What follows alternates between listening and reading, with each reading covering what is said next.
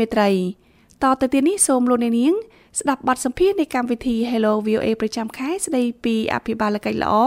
រវាងលោក Simoni នៃ VOA និងវាគ្មិនរបស់យើង គឺលោកអោកសេរីសុភ័ក្រអ្នកឯកទេសផ្នែកអភិបាលកិច្ចល្អនៅរាត្រីនេះអ្នកទាំងពីរពិភាក្សាគ្នាផ្ដោតលើប្រធានបទការស្ដារនយោបាយកម្ពុជាឡើងវិញក្រោយវិបត្តិជំងឺរាតត្បាត COVID-19 ចាស់ហើយដើម្បីទប់ស្កាត់ការឆ្លងជំងឺ COVID-19 ដែលតម្រូវឲ្យបុគ្គលិករបស់ VOA នៅបន្តធ្វើការពីផ្ទះនៅឡើយដូច្នេះយើងមិនអាចទទួលការហៅទូរស័ព្ទសួរសំណួររបស់ប្រិយមិត្តជាបណ្ដោះអាសន្នចាដូច្នេះសូមប្រិយមិត្តស្ដាប់បទសម្ភាសន៍នេះទាំងស្រុងដូចតទៅបាទសូមជម្រាបសួរលោកអោកសេរីសុភ័ក្របាទ បាទជំរាបសួរលោកមនីហើយនិងប្រិមិត្តអ្នកស្ដាប់របស់ Hello VOA ទាំងអស់បាទសូមអរគុណលោកសុភ័ក្រដែលតែងតែឆ្លៀតពេលអញ្ជើញចូលរួមនៅក្នុងកម្មវិធីរបស់យើងជាប់ជាប្រចាំបាទជាកម្មវិធីប្រចាំខែស្ដីពីអភិបាលកិច្ចល្អបាទដូចយើងបានជម្រាបជូនហើយថាថ្ងៃនេះយើងនឹងជជែកពិភាក្សាគ្នាអំពីការស្ដារនយោបាយកម្ពុជាឡើងវិញ ក្រោយវិបត្តិជំងឺរាតត្បាត COVID-19 បាទដោយដែលលោកអ្នកនាងបានជ្រាបស្រាប់ហើយដូចជាលោកសុភ័ក្របានជ្រាបហើយថាគណៈដែលអត្រាភាពក្រីក្រនៅកម្ពុជាត្រូវបានគេមើលឃើញថាបានកើនឡើងក្នុងកំឡុងវិបត្តិ COVID-19 នេះរដ្ឋាភិបាលកម្ពុជាបានប្រកាសបើកសកម្មភាពសេដ្ឋកិច្ចឡើងវិញជាបណ្ដាបណ្ដា ទន្ទឹមពេលដែលចំនួនអ្នកឆ្លងកូវីដថ្មីបានថយចុះហើយអត្រាអ្នកចាក់វ៉ាក់សាំងទូទាំងប្រទេសមានកម្រិតខ្ពស់បាទទន្ទឹមពេលជាមួយគ្នានឹងដែររដ្ឋាភិបាលកម្ពុជាក៏បានសម្រេចដោះលែងអ្នកនយោបាយនិងសកម្មជននយោបាយបរិស្ថាននិងសង្គមមួយចំនួនបាទខ្ញុំចង់ឲ្យលោកសុភ័ក្រវិភាគថាតើការដោះលែងថ្មីថ្មីនេះបាទអាចជាសញ្ញានៃការរើបឡើងវិញពីជំងឺនយោបាយកម្ពុជាដែលបានអូសបន្លាយពេល71អាណត្តិមកហើយនេះទេលោកសុភ័ក្របាទ បាទអរគុណណាលោកមនីមុននឹងឆ្លើយទៅសំណួរដ៏មានសារៈសំខាន់នេះខ្ញុំគិតថាយើងយើងមើលទៅក្នុងបរិបទដែលកម្ពុជា កំពុងតែឆ្លងកាត់ហើយជាពិសេសនៅឆ្នាំ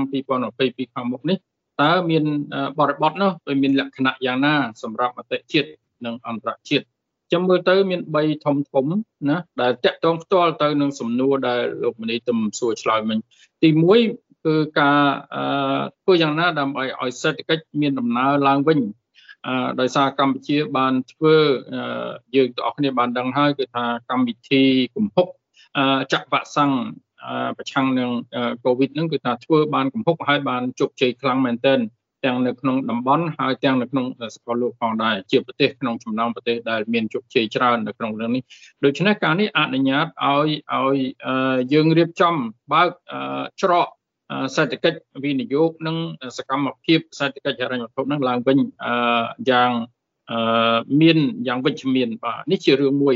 ហើយរឿងតនេះសំខាន់ណាស់ព្រោះលុយដែលយើងចាយមកក្នុងប្រហែលឆ្នាំនេះគឺយើងត្រូវតែត្បិតត្បៀតមែនតើហើយផ្នែកជាច្រើនដូចជាទេសចរឲ្យជាដើមរងនៅធ្ងន់ធ្ងរណាស់នៅក្នុងការវិបត្តិដេញ COVID-19 នេះ ហើយបញ្ហាផ្សេងផ្សេងទៀតដូចជាការរកស៊ីវិស័យឯកជនវិស័យធនាគារអតិថិជននឹងជំពាក់បំណុលជាច្រើនដូច្នេះរឿងទាំងនេះត្រូវស្ដារឡើងវិញហើយស្ដារឡើងបញ្ញាប់តែម្ដងហើយរាជរដ្ឋាភិបាលយកចិត្តទុកដាក់ខ្លាំងណាស់នៅក្នុងរឿងនេះរឿងទី2គឺដូចយើងដឹងស្រាប់ហើយក្នុងចាប់ពីប្រហែលអាទិត្យកន្លងមកនេះប្រទេសកម្ពុជាคล้ายជាផ្លូវការទៅជាប្រធានអាស៊ានបាទហើយអឺ តាមមើលទៅគឺថាមុននឹងឈានដល់ការជំនួបកម្ពុជានៅចុងឆ្នាំ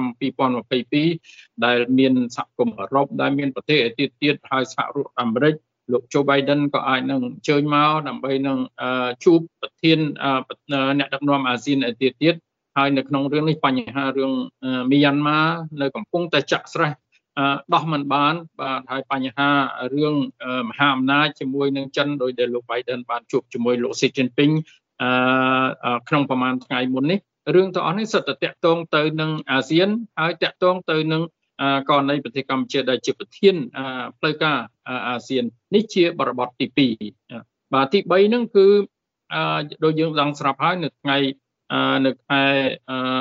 មិថុនាបាទឆ្នាំ2022នឹងមានការបោះឆ្នោតក្រុមប្រឹក្សាគុំសង្កាត់ហើយការបោះឆ្នោតនេះសំខាន់ណាស់ បាទព្រោះយើងដឹងហើយថា2023អាចនឹងមានការបោះឆ្នោតថ្នាក់ជាតិក៏ប៉ុន្តែបោះឆ្នោតថ្នាក់ជាតិនឹងលទ្ធផលសឹងតែដឹងរួចមកហើយមិនចាំបាច់យើងមិនចាំបាច់យើងរងចាំលទ្ធផលទេព្រោះมันមានគណៈបកធំណាដែលអាចប្រកួតប្រជែងជាមួយគណៈបកកណ្ដាលអំណាចទេនៅពេលដែលគណៈបកប្រឆាំងធំបានត្រូវរំលាយកាលពីខែវិច្ឆិកាបាទឆ្នាំ2017កន្លងមកនេះដូច្នេះបរិបទទាំង3នេះ ប្រទេសកម្ពុជាត្រូវរក្សាមុខមាត់ត្រូវរក្សាកិត្តិយសត្រូវរក្សាទួនាទី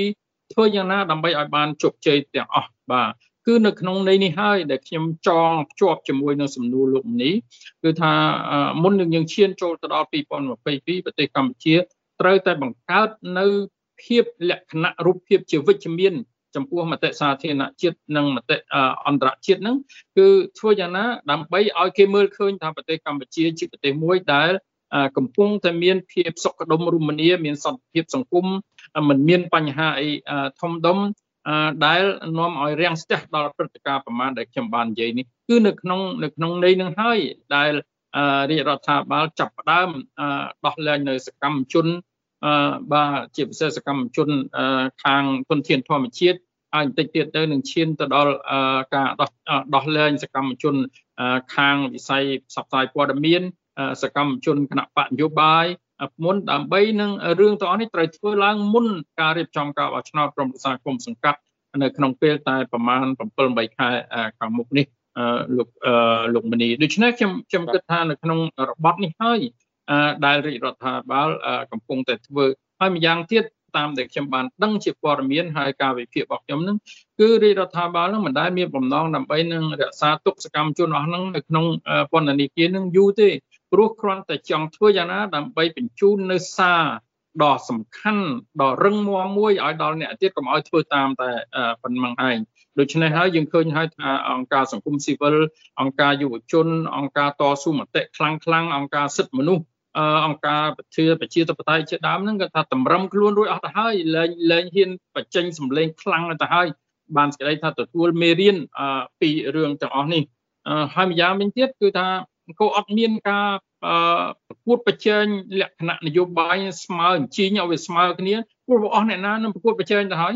ដូច្នេះហើយបរិយាកាសទាំងអស់ហ្នឹងហើយដែលធ្វើឲ្យរាជរដ្ឋាភិបាលហើយនិងគណៈបកកាន់អំណាចហ្នឹងអាចនឹងបន្ធូរដើម្បីនឹងឈានទៅមហាញរូបភាពកម្ពុជា នៅក្នុងបរិបទព្រឹត្តិការណ៍ជាតិនិងអន្តរជាតិដ៏សំខាន់ចាប់ពីនេះទៅទល់នឹងចុងខែចុងឆ្នាំ2022លោកនេះបាទ បាទសូមអរគុណលោកសុភ័ក្របាទដែលបានបញ្យល់ពីសាវតានិងរួមទាំងបរិបទតំបន់និងសកលលោកផងបាទដោយដែលលោកបានជ្រាបហើយថាកិច្ចប្រជុំកំពូលអាស៊ីអឺរ៉ុបនឹងធ្វើឡើងនៅប្រហែលថ្ងៃទៀតនេះអញ្ចឹងជាការប្រតិក្រឡាគ្នាជាការពាក់ព័ន្ធគ្នានៅក្នុងរឿងនេះបាទតកតនៅក្នុងរឿងនៅប្រទេសកម្ពុជាបាទដោយលោកលើកឡើងបាញ់មិញហើយកម្ពុជាមិនអាចទាត់ចោលទាំងស្រុងបានទេនៅទូនីតិរបស់ខ្លួននៅក្នុងតំបន់អាស៊ានក៏ដូចជានៅក្នុងពិភពលោកបាទជាពិសេសទំនាក់ទំនងការបរទេសទំនាក់ទំនងជាមួយបណ្ដាប្រទេសផ្សេងផ្សេងទៀតរួមទាំងសហរដ្ឋអាមេរិកផងនៅពេលដែលខ្លួនដើរតួនាទីជាប្រធានអាស៊ាននៅឆ្នាំ2022ខាងមុខនេះនៅក្នុងបរិបទនេះបាទលោកសុភ័ក្រមើលឃើញថាតើរដ្ឋាភិបាលដោយសពមួយដងបាទនៅពេលដែលមុនការបោះឆ្នោតសំខាន់សំខាន់ជាពិសេសការបោះឆ្នោតក្រុមប្រឹក្សាគុំសង្កាត់នឹងការបោះឆ្នោតជាតិមកដល់ហ្នឹងគឺកំសួលនយោបាយបាទអាចនឹងត្រូវបានសម្រួលបន្ធូរឡើងវិញក្រោយពីរដ្ឋបន្តឹង3 4ឆ្នាំមុនបាទតើសន្តានបាទបែបបត់ដែលកម្ពុជាធ្លាប់បានធ្វើកន្លងមកហ្នឹងនឹងបន្តនៅក្នុងអាណត្តិបន្ទាប់នេះទៀតទេបាទពលគឺយើងនឹងអាចសង្កេតឃើញនឹងមានការដោះលែងសកម្មជនឬក៏រហូតឈានទៅដល់ការអនុញ្ញាតឲ្យមានគណៈបកប្រឆាំងដែលមានកម្លាំងបដំប្រសងប្រគួតប្រជែងជាមួយគណៈបកកណ្ដាលអំណាចបច្ចុប្បន្នហ្នឹងអាចចូលរួមនៅក្នុងការបោះឆ្នោតឆ្នាំក្រោយបានទេតាមដែលលោកសុភ័ក្រមើលឃើញនោះបាទខ្ញុំគិតថាទី1គណៈបកប្រឆាំងដែលបានរំលាយទៅហើយហើយដែលមានកម្លាំងសាច់ដុំយើងនិយាយចឹងទៅចោះសឹងតែស្មើគណៈបកកម្មាសពថ្ងៃនេះ គឺច្បាស់លាស់ហើយបាទទោះបីជាព័ត៌មានជាផ្លូវការឬមួយព័ត៌មានក្រោមតុកព័ត៌មានក្រោយវាំងននអីក៏ដោយគឺអត់មានអត់មានសំណាងអត់មានឱកាសដើម្បីនឹងវិលត្រឡប់មកវិញទេនេះគឺថាយើងត្រូវតែខណ្ឌចុះបន្ទាត់ហើយនៅក្នុងរបបនយោបាយថ្មីនេះបាទដូច្នេះហើយគឺថាការការការប្រកួតប៉ុណ្ណឹងនៅក្នុងក្រមប្រសាគមសង្កាត់នេះគឺមានតែ រវាងគណៈបកកណ្ដាលអំណាចដ៏ធំមានសម្លេងដ៏ច្រើនជាមួយនឹងគណៈបកទៀតទៀតដែលជាគណៈបកថ្មីឬមួយគណៈបកចាស់ដែលបែកទៅជាបំណែកបំណែកហ្នឹងគឺថាមានតែប៉ុណ្ណឹងដូច្នេះហើយបានជាយើងគិតថាការនេះអាចអនុញ្ញាតឲ្យការរៀបចំបោះឆ្នោតក្រុមប្រឹក្សាគុំសង្កាត់នៅខែមិថុនាឆ្នាំ2022នេះអាចប្រព្រឹត្តទៅ ដែលមានលក្ខណៈរលូនដែលមានលក្ខណៈសេរី យុត្តិធម៌បានដោយសារថាគណៈបកកណ្ដាលអំណាចនឹងមិនមានការពួយបារម្ភថានឹងចាញ់ស្លឹកឆោតណាមួយទេវានៅស្ថិតនៅលើត្រង់នេះតាមដែលខ្ញុំមើលទៅគឺថារឿងរឿងបរិយាកាសអឺយុទ្ធធររឿងបរិបរិយាកាសដំណាភាពរឿងបរិយាកាសខ្ញុំជឿថាមានច្រើនព្រោះព្រោះมันមានគ្រោះថ្នាក់ដល់គណៈបកកណ្ដាលអំណាចទេនៅក្នុងនៅក្នុងពេលនេះក៏ប៉ុន្តែយើងយើងអត់ទាន់ដឹងព្រោះការបោះឆ្នោតក្រុមប្រឹក្សាគុំសង្កាត់ជាការបោះឆ្នោត ដែលកើតឡើងនៅក្នុងកម្រិតគុំបាទដូច្នេះហើយគណៈបកដែលចូលរួមណាំងបច្ចេកហ្នឹងគឺថាគាត់អត់ចាំបាច់ពង្រាយកម្លាំងរបស់គាត់នឹងគ្រប់ទីកន្លែងដូចនៅការបោះឆ្នោតសហជាតិទេបើសិនជាគាត់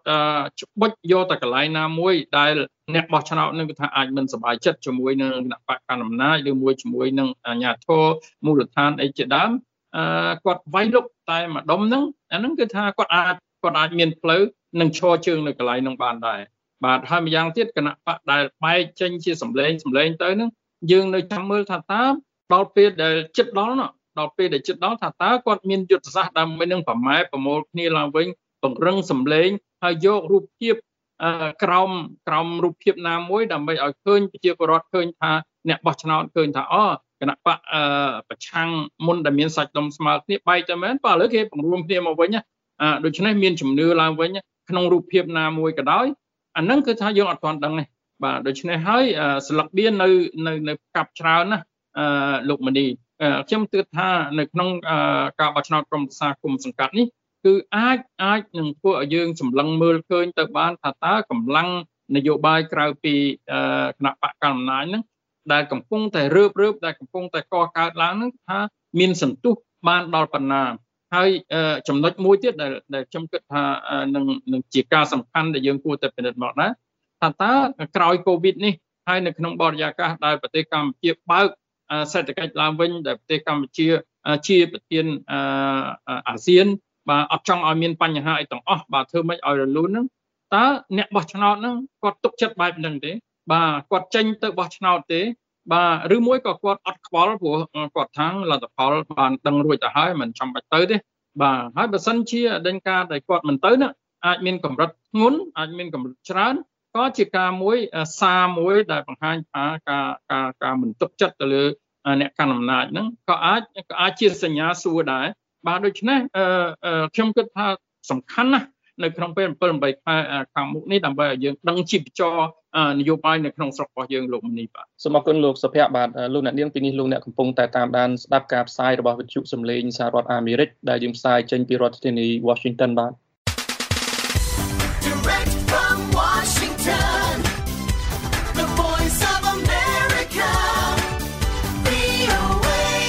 បាទពេលនេះយើងកំពុងតែជជែកពិភាក្សាគ្នាជាមួយលោកអោកសារីសុភ័ក្រជាអ្នកឯកទេសផ្នែកអភិបាលកិច្ចល្អបាទដែលមានមូលដ្ឋាននៅក្នុងប្រទេសកម្ពុជាយើងកំពុងតែជជែកពិភាក្សាគ្នាអំពីការស្ដារនយោបាយកម្ពុជាឡើងវិញក្រោយពីវិបត្តិជំងឺរាតត្បាត COVID-19 បាទ យើងលើកប្រធានបទមកជជែកនៅពេលនេះដោយសារតែវិស័យនយោបាយតាក់ទងជាមួយនឹងរឿងសេដ្ឋកិច្ចដោយខានមិនបានហើយយើងដឹងស្រាប់ថាកម្ពុជាចាប់ផ្ដើមបើកសេដ្ឋកិច្ចឡើងវិញបណ្ដាបណ្ដាប៉ុន្តែវិស័យនយោបាយហាក់ដូចជាខ្ញុំចង់ប្រើពាក្យថាមានជំងឺទៅចោះបាទត្រង់ជំងឺនឹងធ្ងន់ប៉ុណ្ណាឬស្រាលប៉ុណ្ណាស្រេចលោកអ្នកនាងដែលតាមដានស្ថានភាពនយោបាយនៅក្នុងប្រទេសជាអ្នកវិនិច្ឆ័យចោះបាទប៉ុន្តែយ៉ាងណាក៏ដោយអ្នកវិភាគជាច្រើនមើលឃើញអំពីជំងឺនយោបាយនៅកម្ពុជានេះហើយ មានការទៀមទីឲ្យមានការព្យាបាលឲ្យមានការសះស្បើយឡើងវិញបាទក្នុងពេលដែលកម្ពុជានឹងមានមុខមាត់នៅក្នុងអន្តរជាតិ ចាប់ពីឆ្នាំ2022នេះទៅពិភពលោករាល់ផ្នែកទាំងអស់នឹងសម្លឹងទៅលើកម្ពុជាតើតើកម្ពុជាអាចនឹងអនុវត្តក្នុងភាពជាអ្នកដឹកនាំថ្នាក់តំបន់នឹងឈានចូលទៅជាសមាជិកមួយនៅក្នុងសកលលោកបានកម្រិតប៉ុណ្ណាអាស្រ័យទៅលើការវិនិច្ឆ័យមិនត្រឹមតែផ្នែកសេដ្ឋកិច្ចទេបាទប៉ុន្តែជារឿងផ្នែកនយោបាយដ៏សំខាន់ផងអញ្ចឹងហើយបានជាយើងជួយលោកសុភ័ក្រជជែកពីរឿងការស្ដារនយោបាយកម្ពុជានេះឡើងវិញបាទលោកសុភ័ក្រលើកឡើងអំពីលទ្ធភាពដែលអាចមានការប្រកួតប្រជែងពីខាងគណៈបពប្រឆាំងដែលឥឡូវបែកខ្ញែកគ្នាច្រើនផ្នែកប៉ុន្តែក្រមពីរធំធំបាទដែលនៅតែអះអាងថាមិនមានការបែកខ្ញែកគ្នាគឺក្រមលោកសំរងស៊ីនិងលោកកឹមសុខា បាទដែលជាប្រធានគណៈបកប្រឆាំងគណៈបកសង្គ្រោះជាតិតែមួយនឹងដែលអះអាងថាមិនមានការបែកខ្ញែកគ្នានៅឡើយហើយនៅតែទាមទារឲ្យមានគណៈបកសង្គ្រោះជាតិទៅប្រកួតប្រជែងជាមួយនឹងគណៈបកប្រជាជនកម្ពុជាដែលកំពុងកាន់អំណាចដដែល បើសិនជាសេណារីយ៉ូនេះมันអាចទៅរួចដោយដែលលោកលើកឡើងថាมันអាចគណៈបកសង្គ្រោះជាតិនឹងរស់ឡើងវិញបានទេនោះតើវាមានការប្រកួតប្រជែងដែលស្មើភាពទេបើអាចថាសហគមន៍អន្តរជាតិគេនឹងទទួលស្គាល់ភាពជាអ្នកដឹកនាំរបស់កម្ពុជាក្នុងតំបន់ទេបើសិនជាគណៈបកប្រឆាំងដ៏ធំមួយដែលមានកម្លាំងបដំប្រសងអាចប្រកួតបានហ្នឹងនៅតែមិនអាចចូលរួមនៅក្នុងការបោះឆ្នោតឆ្នាំក្រោយលោកសុភ័ក្របាទ ខ្ញុំខ្ញុំគិតថាបើសិនជាសហគមន៍អន្តរជាតិត្រូវតវ៉ាត្រូវតវ៉ាឲ្យខ្លាំងឲ្យខ្លាំងមែនទែនតែម្ដង តាំងពីខែវិច្ឆិកាឆ្នាំ2017នៅពេលដែលត្រូវបានរំលាយគណៈបកសង្គ្រោះជាតិត្រូវបានរំលាយក៏ប៉ុន្តែយើងបានឃើញហើយគឺថាការតវ៉ាហើយសហរដ្ឋអាមេរិកក៏មានខ្លាំងខ្លាំងណាស់ដែរ អឺបានចេញនៅសេចក្តីសម្រេចចិត្តសភាអាមេរិកក៏ចេញនៅសេចក្តីសម្រេចចិត្តឲ្យប៉ះពាល់ទៅដល់បញ្ហារឿងពាណិជ្ជកម្មបញ្ហាទីផ្សារសហគមន៍អឺរ៉ុបក៏ធ្វើពិន័យទៅលើបញ្ហារឿង ABA បាទហើយមន្ត្រីជាន់ខ្ពស់អឺជាច្រើនបាទរបស់រដ្ឋអំណាចកម្ពុជាបាទបាទក៏បានត្រូវពិន័យតនកម្មអត់ឲ្យចូលប្រទេសសហរដ្ឋអាមេរិកអត់ឲ្យស្អីហ្នឹងគឺថាវាច្រើនណាស់ក៏ប៉ុន្តែឲ្យ តើឲ្យធ្វើលើសហ្នឹងបានទេសម្រាប់បានបាទព្រោះព្រោះមានបញ្ហាជាច្រើនអឺដែលប្រទេសកម្ពុជាត្រូវដើរទូនីតិនៅឆ្នាំក្រោយនេះហើយបាទម្យ៉ាងទៀតគណៈបកប្រឆាំងខ្លួនឯងបាទគឺថាអឺសឹងតែបែកខ្ញែកគ្នាទោះបីជាដោយលោកមនីមានសាសអញ្ចឹងគឺថាទោះបីជានៅតែនិយាយថាអត់មានបែកខ្ញែកទេក៏ដោយក៏ប៉ុន្តែសភាពការជាក់ស្ដែង ប្រជាពលរដ្ឋកម្ពុជានឹងក៏បានឃើញដែរបានអ្នកបោះឆ្នោតក៏បានឃើញដែរថារវាងក្រមលោកខំសុខាហើយលោកសំរងស៊ីនឹងគឺមានការវាយប្រហារគ្នាមកអត់ឈប់ទេ តាំងតាំងពី2ឆ្នាំចុងក្រោយមកនេះបាទដូចហើយជាក់ស្ដែងថ្នាក់ដឹកនាំមួយចំនួនក៏បានសេសបុតទៅរាជរដ្ឋាភិបាលដើម្បីនឹងសុំធ្វើនយោបាយឡើងវិញសុំឲ្យមានការលើកលែងទោសធ្វើនយោបាយហើយក៏បានបង្កើតគណៈបកនយោបាយ បាទជាច្រើនទៀតដែលដែលចេញពីគណៈបកសង្គ្រោះជាតិដូច្នេះខ្ញុំមើលទៅគឺថាជាក់ស្ដែងគឺមាននៅសល់តែសម្បកទេបាទដូច្នេះសភាពការទូទៅមិនអំណោយផលនៅក្នុងការត្រឡប់មកវិញរបស់គណៈបកសង្គ្រោះជាតិផងហើយថ្នាក់ដឹកនាំហើយនឹងដេញ ក្រុមនៅក្នុងគណៈបកសង្គ្រោះជាតិខ្លួនឯងក៏បានទទួលស្គាល់សភាពការនេះហើយព្រោះបើមិនទទួលស្គាល់មិនទៅបង្កើតគណៈបកថ្មីដើម្បីនឹងធ្វើការប្រកួតប្រជែងនៅក្នុងនាមគណៈបកថ្មីទេបាទដូច្នេះហើយខ្ញុំគិតថាសហគមន៍អន្តរជាតិជាពិសេសដែលខ្ញុំទៅជែកជាមួយពួកអង្គទូតជាមួយនឹងអង្គការអន្តរជាតិជាដើមហ្នឹងគេបានទទួលស្គាល់សភាពការនេះថាជាសភាពការការពិតទៅហើយដូចខ្ញុំបាននិយាយមិញរឿងនៅតែប៉ុណ្ណេះទេរឿងនៅតែត្រង់ថាតើគណៈបកដែលបែកនេះ បាទអាចនឹងធ្វើអ្វីមួយមកក្តាំងទៀតទេបាទបើសិនជាពួកគាត់ចូលរួមឡើងវិញបាទហើយហើយនៅក្នុងផ្លាកថាជាគណៈបកសង្គ្រោះជាតិហើយមានការគ្រប់គ្រងពីគណៈបកទោះបីក្រៅប្រទេសក៏ដោយក្នុងប្រទេសក៏ដោយទោះបីជាអឺនិយាយស្ដាប់គ្នាមិនបានដោយក៏ប៉ុន្តែមានការគ្រប់គ្រងជាចលនារួមមួយនៅក្នុងការចូលរួមគ្នានេះឡើងវិញអានឹងស្ថានភាពនយោបាយអាចផ្លាស់ប្ដូរដែរអាចកែប្រែដែរហើយសហគមន៍អន្តរជាតិក៏នឹងសម្លឹងមើលក៏នឹងវិភាគនឹង ទៅតាមនឹងដែរត្រង់ថាឲ្យគណៈបកសង្គ្រោះជាតិចាស់ដែលរំលាយទៅហើយត្រឡប់មកវិញគ្មានទេនៅក្នុងសេណារីយ៉ូនោះខ្ញុំមើលអត់ឃើញទេនេះជាការពិតបាទ បាទលោកសុភ័ក្រថ្មីថ្មីហ្នឹងហាក់ដូចជាមានការកក្រើកឡើងវិញនៃគណៈបកភ្លើងទៀនរបស់លោកសំរងស៊ីអឺទោះបីជាគណៈបកសិទ្ធិមនុស្សរបស់លោកកឹមសុខាហ្នឹងបានរំលាយបាត់ទៅហើយប៉ុន្តែគណៈបកចាស់របស់លោកសំរងស៊ីហ្នឹងហាក់ដូចជាមិនទាន់បង្ហាញចំហច្បាស់លាស់ថាតើនឹងចូលរួមការបោះឆ្នោតថ្នាក់ឃុំសង្កាត់និងថ្នាក់ជាតិពេលខាងមុខហើយប៉ុន្តែហាក់ដូចជាមានការរៀបចំរចនាសម្ព័ន្ធសកម្មភាពរបស់ខ្លួនឡើងវិញបណ្ដាបណ្ដាដូចដែលលោកវិភាគពីខាងដើមតើនេះជាសញ្ញាណមួយដែលមើលទៅគណៈបកប្រឆាំងដូចជាអស់ជំរើស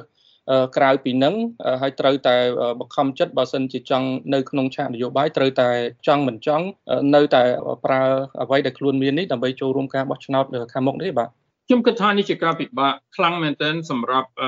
គណៈបកភ្លើងទៀនហ្នឹងបាទព្រោះបើសិនជាធ្វើអញ្ចឹងមែនគឺបានសេចក្តីថាទទួលស្គាល់សភាពការពិតថាគណៈបកសង្គ្រោះជាតិហ្នឹងគឺលែងមានជីវិតហើយបាទអាហ្នឹងគឺទទួលស្គាល់ជាផ្លូវការហើយបាទនៅក្នុងរឿងនេះ ហើយវាផ្ទុយអំពីការតវ៉ាការប្រឆាំងទាំងនៅក្នុងដេញឆាអន្តរជាតិដែលថ្នាក់ដឹកនាំរបស់អតីតគណៈបកសង្គ្រោះជាតិនឹងបានដើរស្រ័យប្រកបកាសដើម្បីឲ្យសហគមន៍អន្តរជាតិនឹងជួយធ្វើយ៉ាងណាឲ្យឲ្យគណៈបកសង្គ្រោះជាតិនឹងមានជីវិតឡើងវិញឲ្យ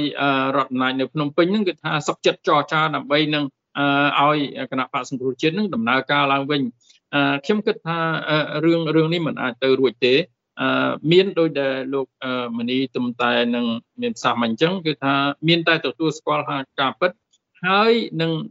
រៀបចំថាថាតើយកគណៈបកភ្លើងទៀននឹងយកមកប្រើវិញឬមួយយ៉ាងណានៅក្នុងពេលហ្នឹងនេះក៏ជាជំរឹះមួយដែរត្រង់ថាគណៈបកភ្លើងទៀនដែលអត់មានវត្តមានរបស់ប្រធាន អឺមកទេព្រោះគាត់ជាប់ទោសច្រើនណាស់មិនដឹងប្រមាណករណីទេ បាទតើវានៅមានអត្តពលដូចដែលក្នុងករណីដែលមានវត្តមានរបស់ប្រធានទេអានេះជារឿងមួយទៀតបាទស្រេចទៅលើមតិរបស់អ្នកបោះឆ្នោតហើយនឹងមតិរបស់ប្រជាពលរដ្ឋខ្មែរអឺត្រង់មួយម៉ាត់យ៉ាងខ្លីគឺថា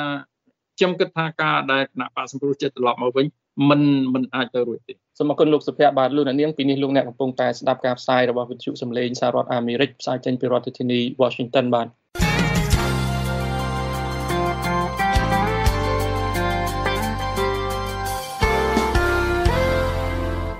បាទឥឡូវនេះយើងកំពុងតែជជែកពិភាក្សាគ្នាជាមួយនឹងលោកអោកសារីសុភ័ក្រដែលជាអ្នកជំនាញអភិបាលកិច្ចល្អបាទយើងកំពុងតែជជែកគ្នាអំពីការស្ដារនយោបាយកម្ពុជាឡើងវិញក្រោយពីវិបត្តិជំងឺរាតត្បាត COVID-19 នៅកម្ពុជាបាទយើងសូមអធិស្ឋានលោកអ្នកនាងផងដែលយើងមិនអាចអនុញ្ញាតឲ្យលោកអ្នកនាងនៅឱកាសសួរសំណួរមកកាន់វិក្កាមរបស់យើងដោយផ្ទាល់បានដោយសារយើងខ្ញុំធ្វើការផ្សាយពីផ្ទះទៅក្នុងគ្រាដែលមានការរាតត្បាតជំងឺ COVID-19 បាទប៉ុន្តែនៅពេលដែលយើងមានលទ្ធភាពអាចប្រើប្រាស់ studio របស់យើងក្នុងរដ្ឋធានី Washington វិញបានយើងនឹងស្វាគមន៍យ៉ាងរីករាយនៅសំណួររបស់លោកអ្នកនាងមកកាន់វាគ្មិនរបស់យើងនៅពេលនោះបាទលោកសុភ័ក្រអឺដោយសាររដ្ឋាភិបាលកម្ពុជាហាក់ដូចជាផ្ដោតសំខាន់ខ្លាំងជាងទៅលើរឿងសេដ្ឋកិច្ចនៅពេលដែលខ្លួនកំពុងតែព្យាយាមស្ដារសេដ្ឋកិច្ចដែលរងផលប៉ះពាល់យ៉ាងធ្ងន់ធ្ងរពីវិបត្តិ COVID-19 បាទប៉ុន្តែទន្ទឹមនឹងនឹងរដ្ឋាភិបាលកម្ពុជាមិនភ្លេចទេរឿងគំនាបសេដ្ឋកិច្ចទៅលើគណៈបកប្រឆាំងបាទដោយជ្រាបស្រាប់ហើយថ្មីថ្មីហ្នឹងរដ្ឋាភិបាលកម្ពុជាបាទតាមរយៈតឡាការ តម្រូវឲ្យមានការរឹបអូសនិងលក់ឡៃឡុងទីស្នាក់ការគណៈបកសង្គ្រោះជាតិជាសញ្ញាណមួយដែលអ្នកវិភាគមើលឃើញថាជាសម្ពាធមួយថែមទៀតទៅលើគណៈបកសង្គ្រោះជាតិគណៈបកប្រឆាំងបាទពេលនេះតើទង្វើដែលកើតឡើងបាទព្រឹត្តិការណ៍ដែលកើតឡើងថ្មីចុងក្រោយនេះអាចជាយុទ្ធសាស្ត្រមួយទៀតរបស់រដ្ឋាភិបាលកម្ពុជាក្នុងការជន់កបន្ថែមបាទទៅលើគណៈបកប្រឆាំងនឹងទៀត នៅក្នុងរឿងការដែលលក់ឡៃឡុងទីស្នាក់ការគណៈបកសង្គ្រោះជាតិនឹងគឺការបញ្ចប់តាមខ្ញុំមើលទៅគឺថាកុំឲ្យមានមន្ទិលសង្ស័យកុំឲ្យមានការសង្ឃឹមកុំឲ្យមាននិមិត្តរូបគឺការរំលាយចោលតែម្ដងបាទនៅនៅពួររំលាយគណៈបកហើយរំលាយពលឹងហើយរំលាយរចនាសម្ព័ន្ធហើយរំលាយអង្គការចាត់តាំងហើយបាទផ្ដន់ទាទោស ដោយកំបាំងមុខក្តីគឺថាយកទៅដាក់នៅក្នុងពន្ធនាគារក្តីគឺត្រូវតែបញ្ចប់បាទត្រូវតែបញ្ចប់នៅក្នុងការរំលាយអ្វីដែលជានិមិត្តរូបនៃគណៈបកហ្នឹងគឺជាស្នាក់ការនឹងឯងបាទដូច្នេះហើយវានៅក្នុងវានៅក្នុង logic នៃនៃគោលបំណងដែលធ្វើយ៉ាងណាឲ្យបាត់សម្លេងនឹងតែម្ដងមុននឹងការបោះឆ្នោតក្រុមប្រឹក្សាគុំលកាត់និងការបោះឆ្នោតថ្នាក់ជាតិនឹង ត្រូវរៀបចំឡើងវិញនៅឆ្នាំខាងមុខហើយនៅឆ្នាំក្រោយទៅទៀតបាទនេះនេះជារឿងមួយដែលដែលដែលបញ្ចប់និមិត្តរូបនយោបាយនៃគណៈបកឆាងនឹងតែម្ដងបាទមិនមែនជារឿងសេដ្ឋកិច្ចមិនមែនជារឿងហិរញ្ញវត្ថុទេបាទសូមអរគុណច្រើនមែនទែនលោកសុភ័ក្របាទដោយសារពេលវេលាយើងអស់ទៅហើយដូច្នេះខ្ញុំសូមបញ្ចប់កម្មវិធី Hello VOA របស់យើងតែត្រឹមនេះនិងសូមអរគុណលោកអ្នកនាងដែលបានចូលរួមតាមដានតាំងពីដើមរហូតមកបាទ បើលោកអ្នកនាងខកខានឬក៏ចង់ស្ដាប់ឡើងវិញបាទសូមចូលមកកាន់គេហទំព័ររបស់យើងគឺ khmer.voanews.com បាទសម្រាប់ពេលនេះខ្ញុំសាយមនីអ្នកសម្របសម្រួលកម្មវិធី Hello VOA នៅរាត្រីនេះសូមអរគុណលោកអ្នកនាងនិងលោកសុភ័ក្រទៅត្រឹមនេះបាទសូមជម្រាបលាបាទបាទសូមជម្រាបលាបាទ